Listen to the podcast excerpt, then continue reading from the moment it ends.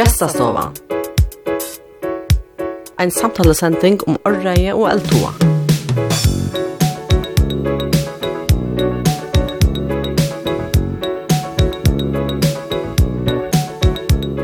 Lika med er og graviner som allsamt søker jaunva, sier dagsens gestor og i viser til andadrotten som sanna ungdomskjelde.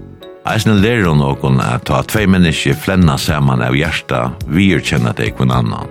I er nok mennande i år jeg vera sukt og gestastående. Ånder evne være ærlig sjålsekleing og tråti og adjubuksan midlomanna. Men lindeslia omboar okra frasugestor og terapeuter eisne eina utretta i etfer og huksan.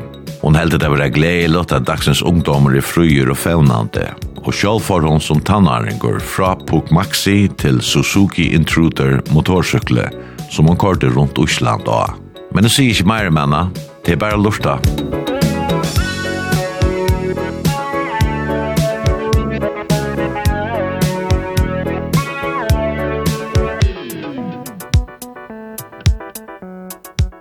Gåan dag, velkommen i Gjestas som er en samtalesending om alt mulig, men uh, bytjer av arreie og eldtoa tja gesten hon.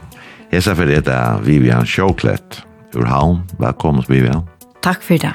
Hvordan har du haft det var i disse koronatøyene? Jeg har haft det fint. Det er jo sånn en ikke visser vi korona, men det som jeg har ta gåa vitt til er at okkur som er eller mindre er alt dempa. Roligere det hele? Det blir roligere, og til at uh, hoksa tingene jøknen, ene fra træet, på en annen måte, og en sort vi virum, hva det får nekv, og hva det får lite, og, og hvordan en daglig der kan være, arbeidse, nekv ting. Ja, nå er det terapeuter og av Emsons lærn, kunstterapi og sexologi og du har vært noe som minner om at træet. Helt du det er vanlig, og vi skal føre etter om korona, at det er mangelbøy, at dere djupoksan og verdelig steder og gjerne stedene. Ja, absolutt. Tog jeg at det som jeg vil larme rundt om åkna til tøyna, er telefon, internet, og, og ta du erst ut i de allmänna rummen, så sier så det flesta hittar ner telefon og och inte for en annan. Så det är Atlantina att det er Atlantina och annan som förresten av jocken. Det er ikke tog at internet har vært nå, ordentlig ikke, i mån til korona, og for lydig av, av, av sosialisering. Så på tammaden her, det er kanskje på, på den gode maten, hvis man skal hitte på den gode maten, det er at, at sakneren har vært, eller man ser viri i at at vera saman som en sosial vera. Og då så som oftast om bøttene og i øtlundsambanden, heisni, heisni hesson, neka, her var det sa jeg akkurat, et eller annet leser jeg det akkurat om, nå er det jeg sier i samband med at vi jo utbyggende nomsfrøynger, at vi vi badnagørn i Danmark, her er det just en kalning som, som sier at tvart siengar av butten om helt vil jeg spille i sin, eller vi sin iPad enn saman vi hinner butten om. Mm. Derfor er det også at jeg, at jeg, at jeg setter en alvorlig krøv til oppdreielse, men kanskje ikke noe badnagørn som heima. Mm. Och i badnagaren kan man ju bara göra en lov som säger att alltså är iPad som han ska upp på. Nämligen. Du det är avhängigt. Alltså det är det du först allt servera. Servera och bombardera. Och det kan nästan sådär som att slå när badna gento. Eller passivisering. Det invaderar på en kramat av badne. Och teker det kreativa från dem på en kramat av isen, ja. Foreldrene er jo så øyla må omkvult, det var. Mm. Det er sikst det er så, vi, vi har nekko morgene. Hvis du land på 4 millioner så, så måste du arbeide nok. Ja, man må arbeide nok, og, og ytterligere må ut at å komme hjem eisne bøttene. Så, så tillegg som alle tøyene der er vi takk at han kampen opp, ok, hvordan jeg, hvordan, hvordan jeg skal uh, skjermeren fytle ut i daglige. Det krever eisne orsko. Disiplinering av bøttene, det er alltid kraft orsko. Nå er det så på hendemåten. Ja, det er bare å bli ørvis, ja. Ja. Akkurat. Men alltså, åker inte ut och spelte i alla ställen. Jag vet inte vad disciplinering var, men det var en väl och lugga väl. Ja, och det spelet blir roligt. Du ser inte på den på samma måte. Spelet så spelar ute. Nej. Nej. Anna än att att att att ta upp att ut i Östån nu för vi det ta och gjøre en temavik och her vi får gjøre hettar och så kan det vara ett ett ting kan man teker det gamla spölen upp eller det gamla sanchen eller eller vad det kan vara. Jag har långt nämnt det att du är en uppbyggd pedagoger. Hur får du till det här värna? Pedagogverna? Mm. Jag blev spurt ta minst det. Da jeg sier at jeg bort noen første dag, vi ble et spurt ut av fralsen noen, hvor vil du lese til pedagog, eller nomsfrøyg. Og mitt svær, minst det godt, det var at jeg vil gjøre arbeid med mennesker, Jeg har bare ikke ordentlig bare nå kvært, men jeg tar ikke pedagogikken som et slag av grunnutbygging. Og det er så eisen det som er, som er hent, at at jeg visste godt eisen jeg kom og arbeid ut av det jeg stod noen badnager ved Gustave og det som, det som er. Men jeg visste eisen at jeg får at lese vujer. Men kvært visste jeg ikke akkurat da. Men mitt i det hele da, så, så fort var det noe helt annet, kan man si, at det låter, det er du eisen kjent for, at flenna saman folk, eller, eller lerukna flenna. Ja, det var i mån til en oppgave som vi skulle velge okkur et evne, skriva les her reisne, og Og tog tog jørskain og ta faktisk arbeid som klon saman vi Angela Pedersen. Så til at um, opptrakka og være at han finner maske og være, være stått til få, få folk av flenna synes det helt det var sin råhavers, men på en måte så trevs det ikke at han fyrer seg her klonamaskene. Men jeg vil gjerne kanna mer at det her vi til at flenna, hva det er egentlig som ligger at han fyrer, det her er en teori at han fyrer. Eisen det er kjent for vel til at vilja flenna til absolutt ikke skal flenna, og hva det, hva det handler til om det du första vid, du ska inte flänna og vi nu still och vi nu hettar eller visst du flenner, så vill du blacka ut eh visst det är skola höpe eller i onkelnörn og och så provokerer det bara mer till att flänna mer så at jeg eh, valgte jeg færa å studere det sinde mer, for å boka sånn, eh, fann en til tver bøker, øyla klæner. Jeg står faktisk noen sånne tjojisbok. Og vi der, vi der, jeg tror, vi der en tru tjoar, jeg tror, Så forna nete bør skrive latter, så kom det bli latter instruktør på så sånne gadier nere i Danmark, og få det teoretisk og det praktiske. Vi visste godt hva det praktiske var, men det teoretiske ville jeg ha mappene. Så jeg får nere av Sky, og, og så gikk jeg her av Strøynon, jeg og, og folk av danskeren, Og hon som hei etter Goa Sky, hon er flenne president i Danmark og kallar seg sjálva for Ha Ha Hanne. Og, og henne tilgång til at jeg er vera um, lenne presidenter, eller later instruktør, det var en faktisk en tragedie til henne, du at hun er mist så baden, og en annen vannlukken er og hei djupa sorg i det. Og, og, og mer eller mindre hei hun stång seg inne, altså i sin egne sorg, og da så hei tidsdag avgjør om at nu, nu orsker jeg ikke mer, nu er jeg just ut av samfunnet så det som hon mötte det var det var det ja det synd och och det går som på att alltid hala ner i att det sorgen och släpps på sjur det att så får hon och ta kvantspring och och blev eh blad instruktör och till så väldigt henne läching om kan se det så läs Jeg fikk så ser gå mappene, og jeg fikk eisen sporeningen, da jeg finner sertifikat, og min nå får jeg at att at nå skulle du ikke fære, og for færingen til jeg Og det var en som arbeidde noen år, og så helt det var mega skjegg å spørre meg akkurat det her.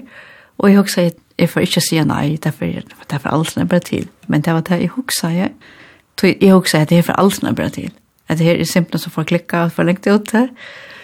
Og man bare kan stille seg opp en ring, og og gjøre noen øvelser, og gjøre det samme som en annen person. Selv om jeg finner ikke ordentlig bortsett ord, bare vi gjøre det samme som hon, uten at det ekte kom fram jeg får så heim og var en uh, var nyrtilhalt noen og mitt landa og var etels heim og være en vøggstove komponere i alt sammen i en etslevende praktikk.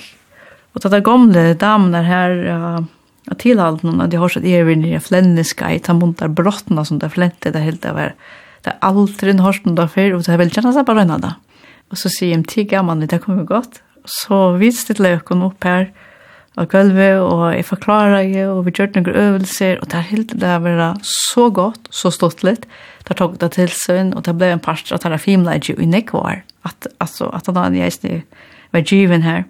Til det er alt så flenne det han er i græsagæren, det var jeg samme vitt heimån. Det er så størst alltid, men det kan alltid stabla stabla bein, men det er i maimana at det var alt så av lader der om alle verina her man flenner sammen. Men vet ikke, på omkring måte så, så um, fortsatte jeg bare vidt og, og ble byen å komme her og her. Og jeg huksa i eisene at det er eldst og her i samfunnet takk så vel mot deg, så ble alt til.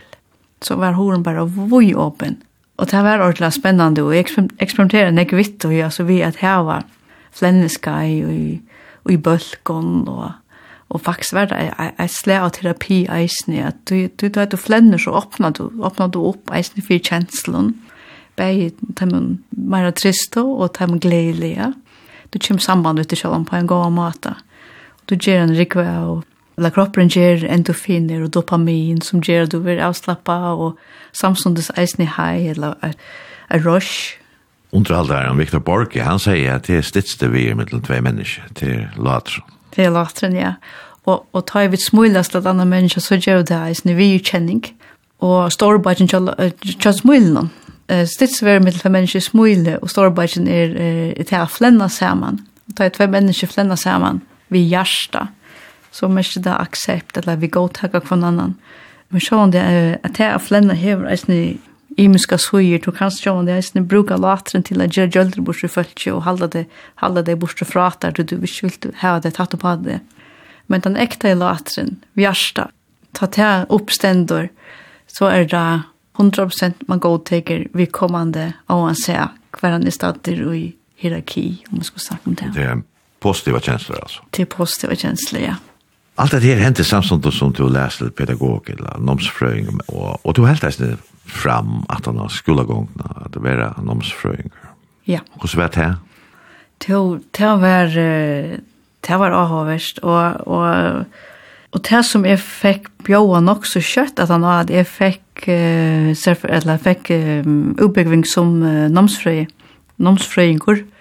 Så började jag där bara vid Sjönleidje och jag och en samman med bötten här som vi var. Och så får vi här nere i utvarspe. vi gis nere gå av en någon och det nästa som så hände det var att jag fick arbete här i, i kringkvarsen. så jag hej i baden Utvars på en tre år och och hej och arbetade som nom, som nomsfränger synare. Så tömde ju Utvars mer eller vad? Nej, Så det var, det var spennende, det var ordentlig skik, det var ordentlig spennende å slippe å gjøre sendinger og finne på og, og det som alt det som er vi tog. Mm. Bare det var hardt arbeid. Det er hardt arbeid.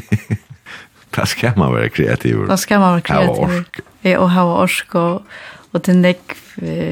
Altså, det er folk som är nu det det har en merselig lunch Det er pleier annars være en tvei, tror år altså. Og det var nattstad var det lunch ta fyr. Ja. Jeg kjølte hon, hun måtte gjøvast. Jeg kom på at han var gursmunder. Ah, ja, det ja. var så øyla populær. Det var så øyla populær. Så jeg kom, de som var ta, de var, uh, ville jeg prøve akkurat anna, så uh, lukka som uh, fyrir, uh, fyrir en stek, så jeg tenker ikke om det er fyllt så rævlig enn jeg, bruk så rævlig enn orske på det. Så det var akkurat som en, en, en nudge tog fyrir baden utvarp, da jeg var her. Ja, Og så tvets tolkas du som nåsfrøyngre. Ja, ta i tvets tolv, eller Jeg arbeidde som nomsfrøynger og i utvarsbyen, som sagt, en tro år. Så får jeg, jeg får faktisk å lese vågjere, for å lese kunstterapi. Og um, tann uppbyggingen, hon, hon tok meg faktisk alt i alt enn i tjej år. Og her i føres til middelen, og jeg tog jeg skal som valgte vid eisen av flytta nyer til Danmarkar. Og Og i 2011 ble vi så ubeikvinn som kunstterapeuter, og i 2012 ta, ta valgte jeg affæra at arbeida som kjølstøv, og taka det store skrittet, som endelig forsyrkjare og egna fyrtøyge, og jeg husker at det var rabblande et eller annet, men, men det var det rett å gjøre akkurat da, og ta det. Altså, det, det, blå, det blomstret jeg. Ja, det var ikke så stor var stående så trygga fyrtøyge som akkurat som dere kjenner ut i samfunnet. Det er rettelig nukt i, i førjen og, og i var samt. Ja. Hva er fækst og styrkene og samførelsene fra? Det var vilje, og som du sier, areie, og var eldhoa. ja. Ja. Altså, det som gav du i halvtid, det er bare beina vi hava imisk slø av skai, bare for de som var arbeidsleis, og utenfor alls, og haskola, og det var imisk stående som sette ja til kunstterapi skai, og så psykiatriska del, det kommer eisen her, Så det er lukka som på en måte så, så blomstrar det. Og det gav, det gav så ræv, og det gjør en, gjør en god mening.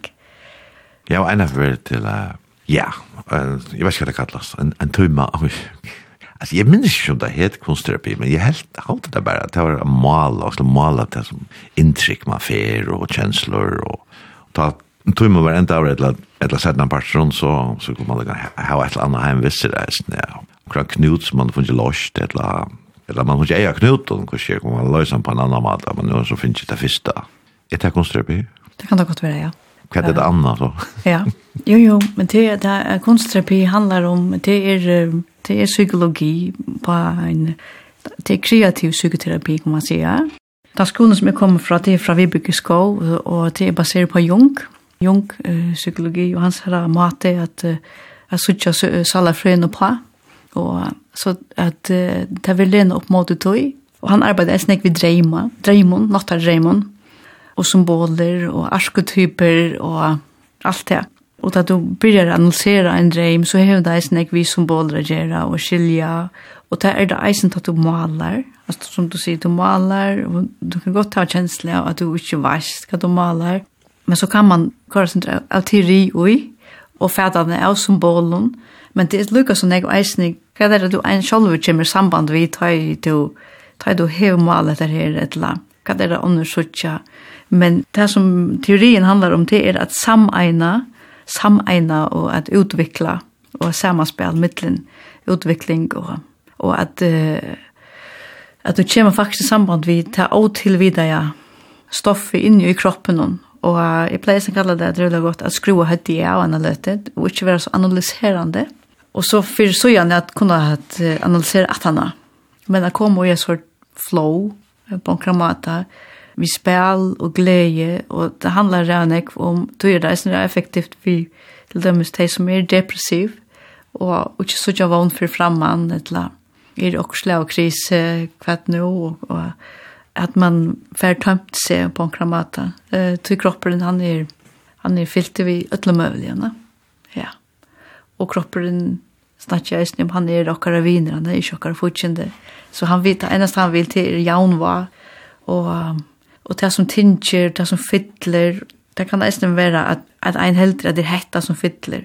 Men så tar man man börjar att att uttrycka sig på imenska matar mala er rätt men det är inte bara det det kan vara något annat istället. Så är det också annat som kommer fram Och så kan det gått i Okej, okay, jag trodde det var hatta, men det er faktiskt att okej, jeg visste ikke at att det fyllde sån jeg. Mm Og så kan man nesten hitje til tema og minster i jøkkenen og er og det. Hva er det som, hva er det for minster man hever, for så gjerne kunne løse det opp. Gjestastovan. Dagsens gjester er Vivian Sjåklett.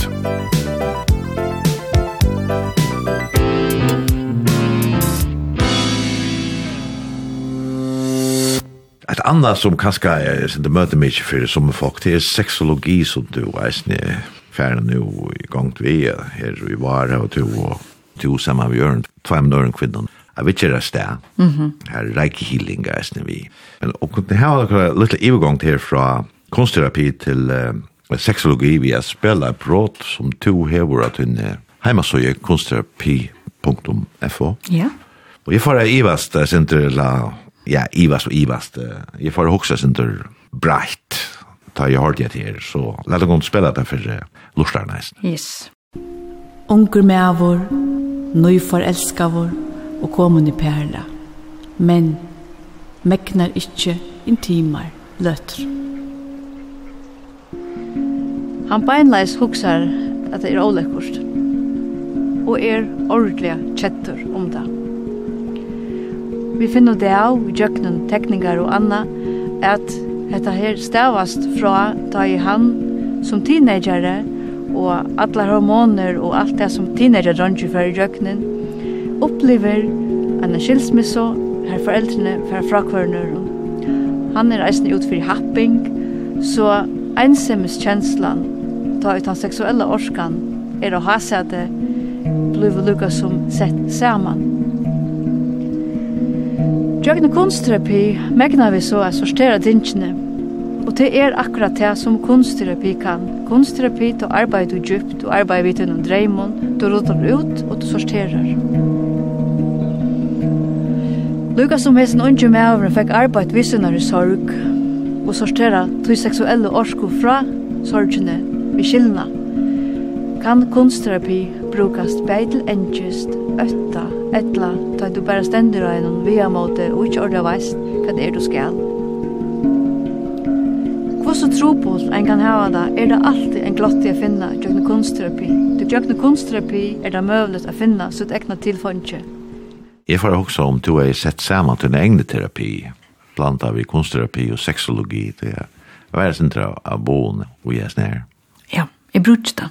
Jeg brukte kunstterapi, anna på hva vi kommer til kommer vi, ja. Og det er det bare samtale. Er at høyer kan det ta konstterapi til simpelthen bare for å komme seg dypere nyr i kroppen. Det er som sagt, da man arbeider konstterapeutisk, ta fær man faktiskt uh, man färdar faktiskt både fram och en silverfæte eller en godfæte. Du kan inte ordla likva det fra tog som du gänger runt vi. Så det blir ofta en avgræsspårning på en av veiene. Och det er alltid en när vi vi klienten eller han som, eller hon som er i terapi, at vi kommer til å samband med noen ting, og jeg sier noen ting, og setter spår noen til det, og så gjør hette mening. Så det, det blir veldig effektivt, og det er nødt til ikke at man, man sitter i terapi i, i flere år, men på akkurat måte man kommer i kontakt med det som årekvar, for så gjerne at arbeider vi, ok, hvordan kan dette um, blua vidtjørs på en god måte, for så gjerne fra å gjøre. Men nu er det så, høyde så, at det er prosjektet sammen med tvei med og kvinner nå. Hvordan bytte du til selv sånt og i hva du skal og gjør? Jeg bytte meg slett ikke sånt i nækka, tog jeg vidt arbeid hver skjær. Vi er trutjar selvstendige kvinner vi trimon i muskon virkje, så at uh, vi arbeider mot og, og Ann Hevshøyt og Kristina hevsut. Det er ikke bare vidt vi arbeider under samme tætje, og, og da går vi tog til er at, uh, at vi brenner for det samme, på en måte. Arbeid ikke helt lykke, og, og på den måten kan det bli større og, og vekrere, sterkere. Kunstterapi og sexologi kunne i ivelappa, men kan det ha reiki healing til de kjæsen gjør det? Jo, det kan det sagtens. Det, det, det, healing er jo, det er mest jo grøying, og det er det samme. Altså at, at, at ting vil heala i, vi hjelp fra en som har samband vi vi til at, at, kunna, at kunna djeva, tilvita, healing, eller grøying. Ja. Det er energier på akkurat mat, Det er energi. Alt er energier. Alt er energi. Sexologi i førjen, ja. Det är några sexologer, men det är man har ikke nog till brixem som så. nej Det tror tog føren rundt jo problemer jeg har, vet ikke Nei, det det. Så veldig glad att Kristina sätter sig samband. Jag visste helt inte om sånn var sexologer, och det till att nu har vi har vi arbetat vi och och och färgen vi gör det att arbeta vi undervisning ut i skolan vi sexualundervisning och att det är en annan rött snö. vi färgen som som inte tas samma då är det att det är en en öjmörska för på alltså och hvis vi det lukar som också kan om så så är det inte a a lärlingslistan om mer än kanskje en time. Vi gjør nesten 20 år när vi gikk skola. Jeg minns det for en tantøyma vidt finke seksualundervisning. Hvordan det ble skøyd i jøkkenen. Jeg minns også at det er seksualundervisning, men jeg minns ikke hvordan det Men jeg minns læreren. Ja, jeg minns det som læreren. Hvordan flås det var, og hvordan spent vi var. Hvordan var man måtidgen så ut i skolen som sexologer? Ordelig godt. Her som jeg har vært, her har jeg nærmengene spurt, när kommer hon till att lära det ganska öppna hon och lite upp för att att att jag också får sexual och det är vi på att bena vi det ungdomar vill det.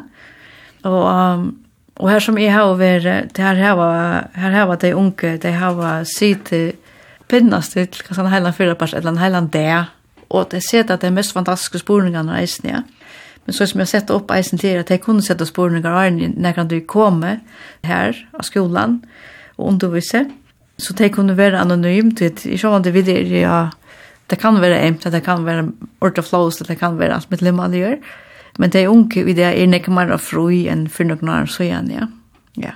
Og i botten og grunn handler det mer om okken som er vaksen, å kunne roma og standa av beinen og, og hytja, hitja til unge og gjerne og, og, og, og tåsa og være nærværende.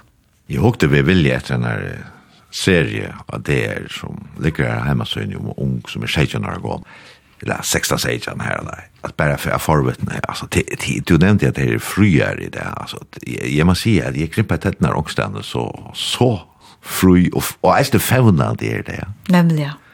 Det er helt, det er framsteg altså. Det er framsteg Jeg var steg av strøynen, da jeg lysen jo nere så skulle du ut av strøye at det gjør samrømme vi folk, og de unge, de Jeg får inn i handlare i nei, det er handlare her, her ikke var nek folk, det var tullig av mann og morgen, du vet, så det var nek handlare, men her ikke var nek folk. Så her som det var jo ung, og så spurte jeg om det her, hva er det tåsa dit om sex, og han, åh, jeg hadde kjøpt atlan det inn. Ok, ja, og så får jeg ut av gøtene, og så var det her trutja kvinner, og i imenskon alder, det var en mamma, og en omma, altså, tror jeg at her det, aktivt. Her den ene, det var det norra. Og så den eldste, hun var, hun var i og for tror jeg, 8 år, tror år. Hun sier at hun var, da hun var baden, hun kan det se foreldrene kjøsar i underklæven. Så hun og med henne tidskje det av kjer at ødlenføren og tarrabøt skulle slippe så ikke dem i underklæven. Døtteren kjøy henne stod her reisende, og hun var 40 pluss, ganske på måte holdt, tror jeg. Nei, hun var visst 40 noen steder her. Og hun... Um, hon var så att mera fri ut och och och snackar om att hon har inte mot att att bötten så vi henne vi alltså om hon var i ongon kläven alltså där där följde hon så fröjan vi där man vill brosa eller ett landa och så att sonen jag henne han var hon eller överraskad att han kom hem i Emskom fyrbrikten från Pornoveren tutschar gammal tutschar var vad som kommer under vanligt att uh, hava veri och och och peila internet där innanför det som heter porno og fyrbrukter det som vi brukt här. Så tann veiten i mitten porno och undervisning og talan hon är så stor så att uh, undervisningen händer er mera ute i nätet så att allt det som heter intimiteter och och kärlek og kjensler, alltså det blir väl förvackla. Alltså visst är vuxna inte eller hvis det er vaksne, eller som tussa det vekk. Ser du porno som en hottan, altså? Jeg synes det ikke beina som en høytan, jeg synes det mer som at, eh, jeg synes det er en, at det er, det er til, det er nevnt, og at, at det er vi som vaksen må forklare at porno er ikke, det er det som vi snakker vidt jeg unge om, at porno og, og intimiteter og seksualiteter er det er kvørsvitt, og, og eisne, hvordan uh, porno er sett opp, og at um, veiten er bare forstår, og, og, og, og det tar et sett av spurningar i mån til det, altså bare, la det komme bare at ta seg om hva er kærleikje, hva er intimiteter, hva er porno, bare for at skilja det ert. Så nei, så ikke det ikke bare som man, uh, som man har hørt men det er, men det er uh, øyelig um, Och det var framme om till dem så att det sätter standarder alltså till dem för kvinnorna och ska så tjocka gott ut om att kvinnor mäter sig vid pornoshowläggare som det är inte så tjocka som showläggare vad det ju är ja? Ja. Att det har varit en ringa ringa avskant det sätter och hör ja och det samma vi Jamannen, at uh, kvinnan, hon skal uh, hvis med maver hever hukt eh, nekve porno, og så, så kommer det til her at nu hever han uh, finnes en damo, etla, og er samma vi einare, og, og eisen her kan, kan være leitje, og, og, og det fiktiva spelen er på oss, allega som, ok, jeg tror det var hetta, men det er hetta.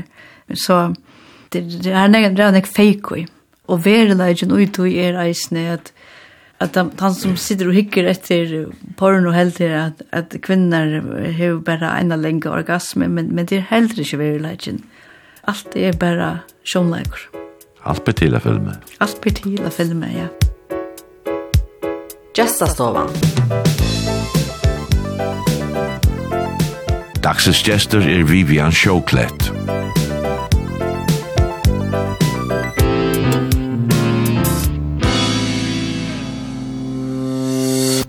til året jeg tjater, og ja, det. Jeg færre ut, trakka fram, ensamøtel, eller ofte han faen ment, det går skjer, og jeg snir ensam møtle, så var det. Men det fikk stå til, eller hver, hver, hver, hver automatrekt ut det. Jeg vet ikke, Charles. Det er nekka vi at brenna fyrir omkron og, og at uh, fer etter døy. Alltså bara det är att upptracka till till det har vi just sen jag har vi baden at uh, sunge og oppdrakka og funnet på og alt det. Men entertaineren, å være en entertainer og komme vi og undervise og fralæren om det gjør mening. Så likt til høyre bein kommer. Så er det ikke å tåre noe heter, men, men det er noe, jeg vet ikke hva det er. Så har vi ikke det sosialfobi og paranoia og... Nei, har vi ikke det. Jeg har kanskje heldig øvet. Til dem da jeg har da vi spalt orkester og sånne, og det er for mye vedkommende, det er ikke alt. Det er ikke alt det som jeg gjør, det vil jeg gjerne gjøre ordentligt. Og om du vil si vi har i omkring bølge, så har vi omkring kanskje valgt at litt sin der rosa ser vi omkring fire jeg tårer. Men jeg, her er jeg hos, jeg skal være klokkeklar, jeg skal vite 100% hva jeg gjør det, og her skal jeg ikke forstå meg. Jeg skal få fri til å gjøre det her det, det er størst virre for meg, ja. Og det er fyrir leie som må for høyre at det er og vi, det som du nevnte her, at du har spilt i orkestret. Ja, du skriver til meg om at jeg skulle velja tvei lø, og jeg hugsa i tvei lø. Det var reallig ringt. Jeg aner ikke hva jeg skulle velja. Det var akkurat som før jeg batene kom inn i en en sånn handel bare vi, vi bom, og så, så får vi vite at du slipper å hitja det rundt, så skal du takke tvei bom. Du tonelager for meg hever, jeg har alltid livet veldig tatt at hjertet ikke mer, og så skulle jeg sjøen det samsfære sin du vi må søve. Og da jeg så kom til, da vi begynte at um, jeg spiller orkester og i 94, ta i uh, Sox, ta var det Kai Johansen som ble vakkere manager, Og han, vi, vi alle skjønner orsk, og setter jeg alle i gang, bare så dyrt, dyrt, dyrt, og spiller hatt bass, og gitar, trommer. Det var den første sangren som jeg spalte i bass. Det var The Purple with Soldier Fortune. Og det var akkurat som da jeg kom tankar om han. Tjøknis og det det var bare bom, sjålant, sjålant er det han. Hvor spilte en av gitarren som Richie Blackmore spiller i innspillingen? Det var Annika Lavik. Det er det kan høre.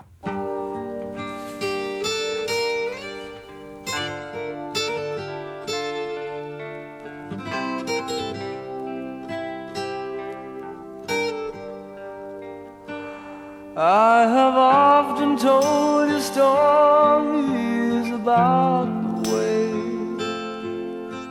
I lived a life of a drifter Waiting for the day When I take your hand and sing you songs Maybe you would say Come lay with me and love me And I would surely stay.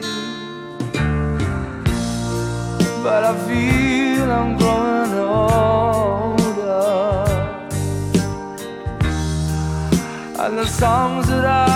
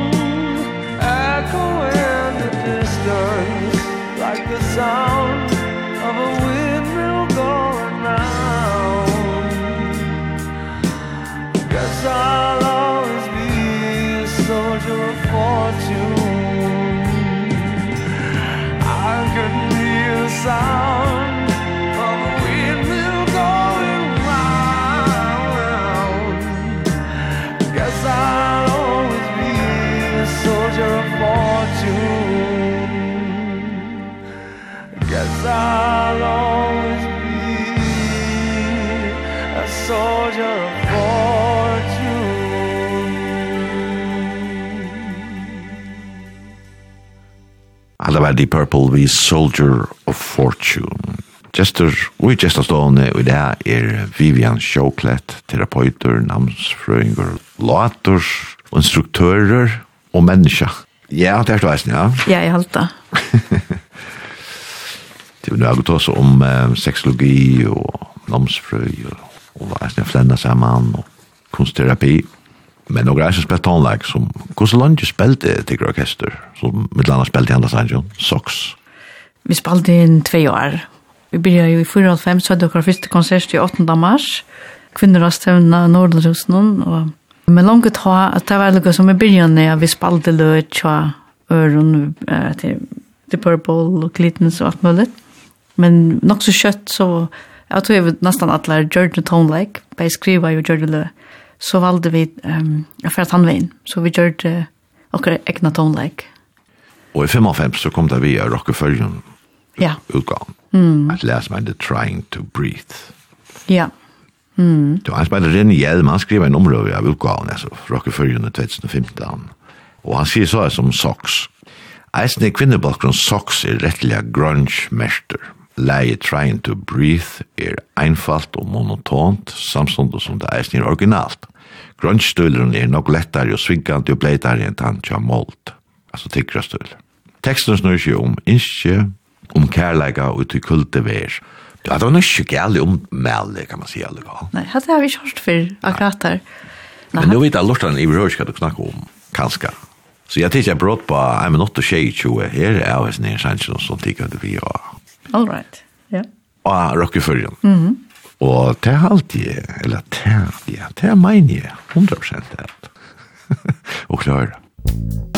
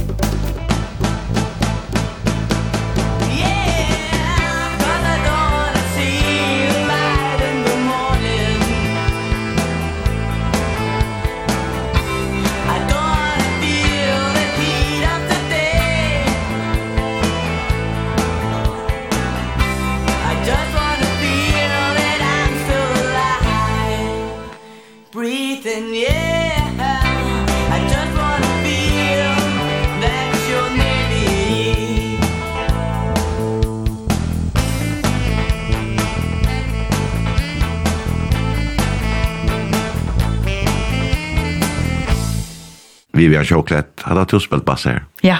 Spel du, sa du, ikke? Ikke bass. Men hva spil så? Clown, antakelig. Nei. Det var meg jo også flenne i sendt næst, ja. Ja. Nei, um, jeg spil, um, altså det vil si, heima vi spiller her bare gitar og klaver og trommer, så um, her er masse jobb for i heima. Det er så det, ja tigge damer som som tackar fram til. Det var sånne run up first runaways, Cherry Curry, John Jett, Lita Ford. Var det greit, det lukar rebelskar. Vi vi ska fast interessere, ta som tonlägga. da jag var 8 år. da kom till broda armen til meg. Jeg skulle cykla om man förbi pladdbärna. Jag har alltid varit en syndare en fastbulle. Cykla för kött. Och Så er det så at en gammel med og gonger om veien, og jeg husker, hvis jeg ikke gjør okkurs nå, så, så døyr han, eller jeg renner jo han. Så jeg kastet meg av syklene, og bredd armen til en fire, og får jeg så gips. Og mamma, hun ville gjøre det godt, og sier, hva skal vi skal få en platt på henne, skal du velge deg en elbeplatt? Og jeg tar alltid, jeg minns det var alltid med Kim Wilde, og, og så satt henne, da MTV var kommet sånne, da minns det at jeg fullstendig var pura blåst vekk av Alan Miles i Black Velvet. Så jeg ser kvinnelige firmyndene, ja, som du sier, Joe and Jett og Herren Ekvar. Det her var just så godt. Så ja, så, så tar vi jeg være haskola som sier når jeg går med, og, og der jeg at spiller bass og flytte hjem. Så um, er det at jeg også at uh, fast jeg gjørst et jenteorkester eller kvinneorkester, og jeg sitter med samband med vinkonene, Lene Nikleisen og Annika Lavik. Og um, det var beina vi på det. Og vi var bare genga opp i Høytalon. Og så er det her jeg møtte Sissal, kampmann. Og jeg har bare rødt nye henne, hun er bare en sånn lekkra juba rødt. Og jeg nevnte for henne om hun er hva vera vi. Og det var nøy. Og det behøver være nøy. Men vi vet ikke, på noen måte så fikk vi lockarna till och lugga väl. Och så var det en god trommespelare som manglet. Så vi sökte i bløven etter en, trum, en kvinnelig trommespelare. Och det gick så, vet ikke noen dyr. Så ringte jag en dama ur Mivai, Jonida Davidsen. Så på Tamadan blev vi en bölkor. Vi Kai Johansen Sala som manager. Han lejer kon le och vi var ju... Vänniga Ja, ja, vi var vänniga löv i Vestmanna i Heiland. Och det var, det var en stort litt høy.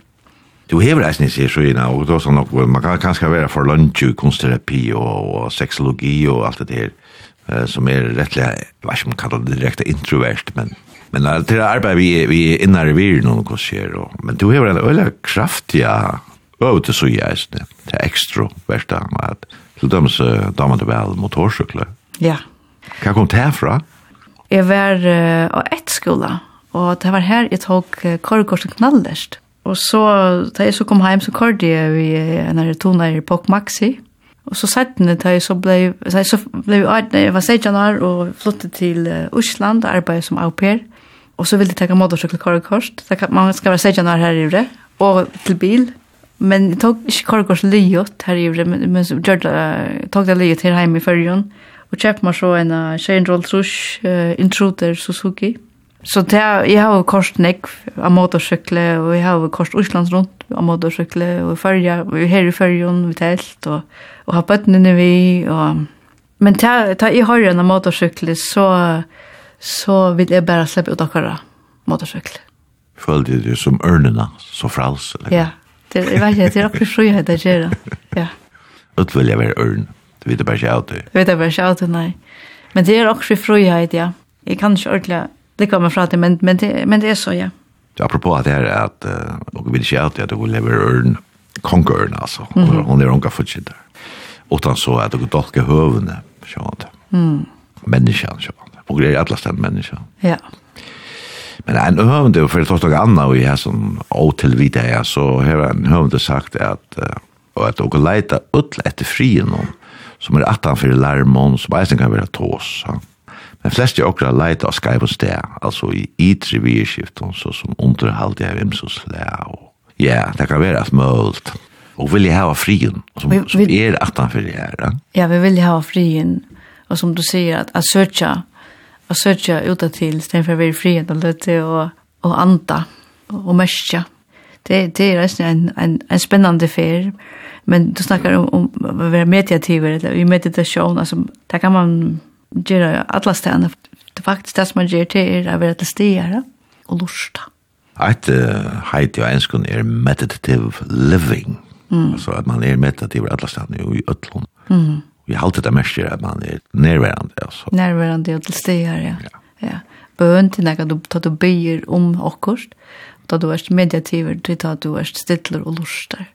For enda nu, men fering det er så alltid et, et mål, det er så sommerstøy som jeg som vi spyr jo om det gjør sånne sendinger om, om til noe som to tømmer. Ferast? Ja. ja. Det, det er godt. Det er godt. Jeg ble ung mamma, jeg var 18 år da jeg ble i barn, og da lov jeg meg selv at uh, jeg skulle ikke settes til 8 år, men helt til takk barnet vimmer her som jeg får.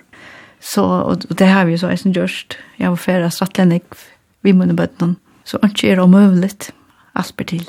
Desert Rose, kalla senaste sanger, eller ja. settende sanger, mm. Sting. Ja. Han blev speciell, han blev mer introvert enn polis, for apropos det som åkte oss om. Ja. Han blev mer spirituell. Ja. ja. Og det er faktisk det som er har hilde vi så avhåverst, og faktisk er det nok så avhåverst at det, at det ble til til alle, at det valgte Sting, men det er Um, en grunn eisne, kanskje eisne her som jeg er i alene sjolv, at uh, Jeg lytta alt opp, så det blir mer, mer spirituelt i, i ødlån. Og i ødlån tog jeg virksomme bare til å være til, å være menneske. Og jeg synes at jeg sørger han, og jeg synes æren, og, og hvordan han er, og hvordan han lever, og, og alderdommen han rent til, til redd bjøs han omgang til å trekke inn så lenge til, til um, helt til det selv om køyrende, ja. Mm Nu vi får ju också om några som en vinkona säger. Hon är väl det så kallad retreat. Det var en indianare, en, en amerikanare också som är lagt det här, eller vikeskifte ut i fjötlen under förrige. Hon säger han så 25 år yngre ut än han var. Nej, väl ja. Kostar fem man det? Ja. Men det är vi att vi vid energicentrum och yoga till dømes. Yoga är eller misskilt här, Janekvon här hemma søvan at han fyrir yoga er at uh, i Indien ta i de gamla gamla mennir, hva som ikke kunne brukas meir, så blir det jo meir eller minne korter ut, i, ut i djunglene, at dodja. Men det var her lukka som det byrja at ekleia jorden, hvordan tikkaren og stretcher kroppen, og, og, og at her som byrja at uh, gjerra ta sama som jorden, det som i øvelsene, og opplevde så at jeg kom av fyrir seg, faktisk bedre fyrir enn akkurat tog, og jeg kom atter inn i landsbygdene, altså det vi det lengt atter tøy, bare så her at jeg greia fra hessar sier lærerne og, og at hva det kan gjøre, ta i vidt heva anda drotten vi og i rørslene. Kvinnan her at du måter, kan man sia, rent teoretisk, hon för i marschen hon bockar sig ner så för hon upp efter krocken och så hon bevegar sig eller rör sig mer än med avren og hever andra drotten vissar, og så hever hun baten i rikten eller bøtjen, og kvinnan lever eist til langkor, enn med avren. Så det som ligger 18-4 alt det der her til er at vera visken og hava andra drotten vi ui tui som tu gjer. Det det kommer en øyla tullion aldre, at det er litt å hygge til lytla baden som andar ved etlom kroppen, og så sars du gos det andar. Og så er det ordentlig nek 2000 ting som ger at at så för barnet i veckan så för det i barnagar og så är det hattar och så är det hettar som ger att øtten trakkar inn. Och da øtten trakkar inn så andar vi bare nyr i brinkna och inte nyr i bjutchen och helt har vi att man inte minst att at, att att andar djupt så är det att uh, strongt och anna trakkar inn och, og att det vad kan bli åt sjuko så att det är att uh, være god kroppen, anda ned i bukjen, og skifta nekker venner ut til å gjøre nekker god øvelser om morgenen eller kveldet. Og så kan du lova at Elisabeth Arden og Katirne vet at alle ble arbeidsløser. Ja. så ung fikk så gjort. Ja.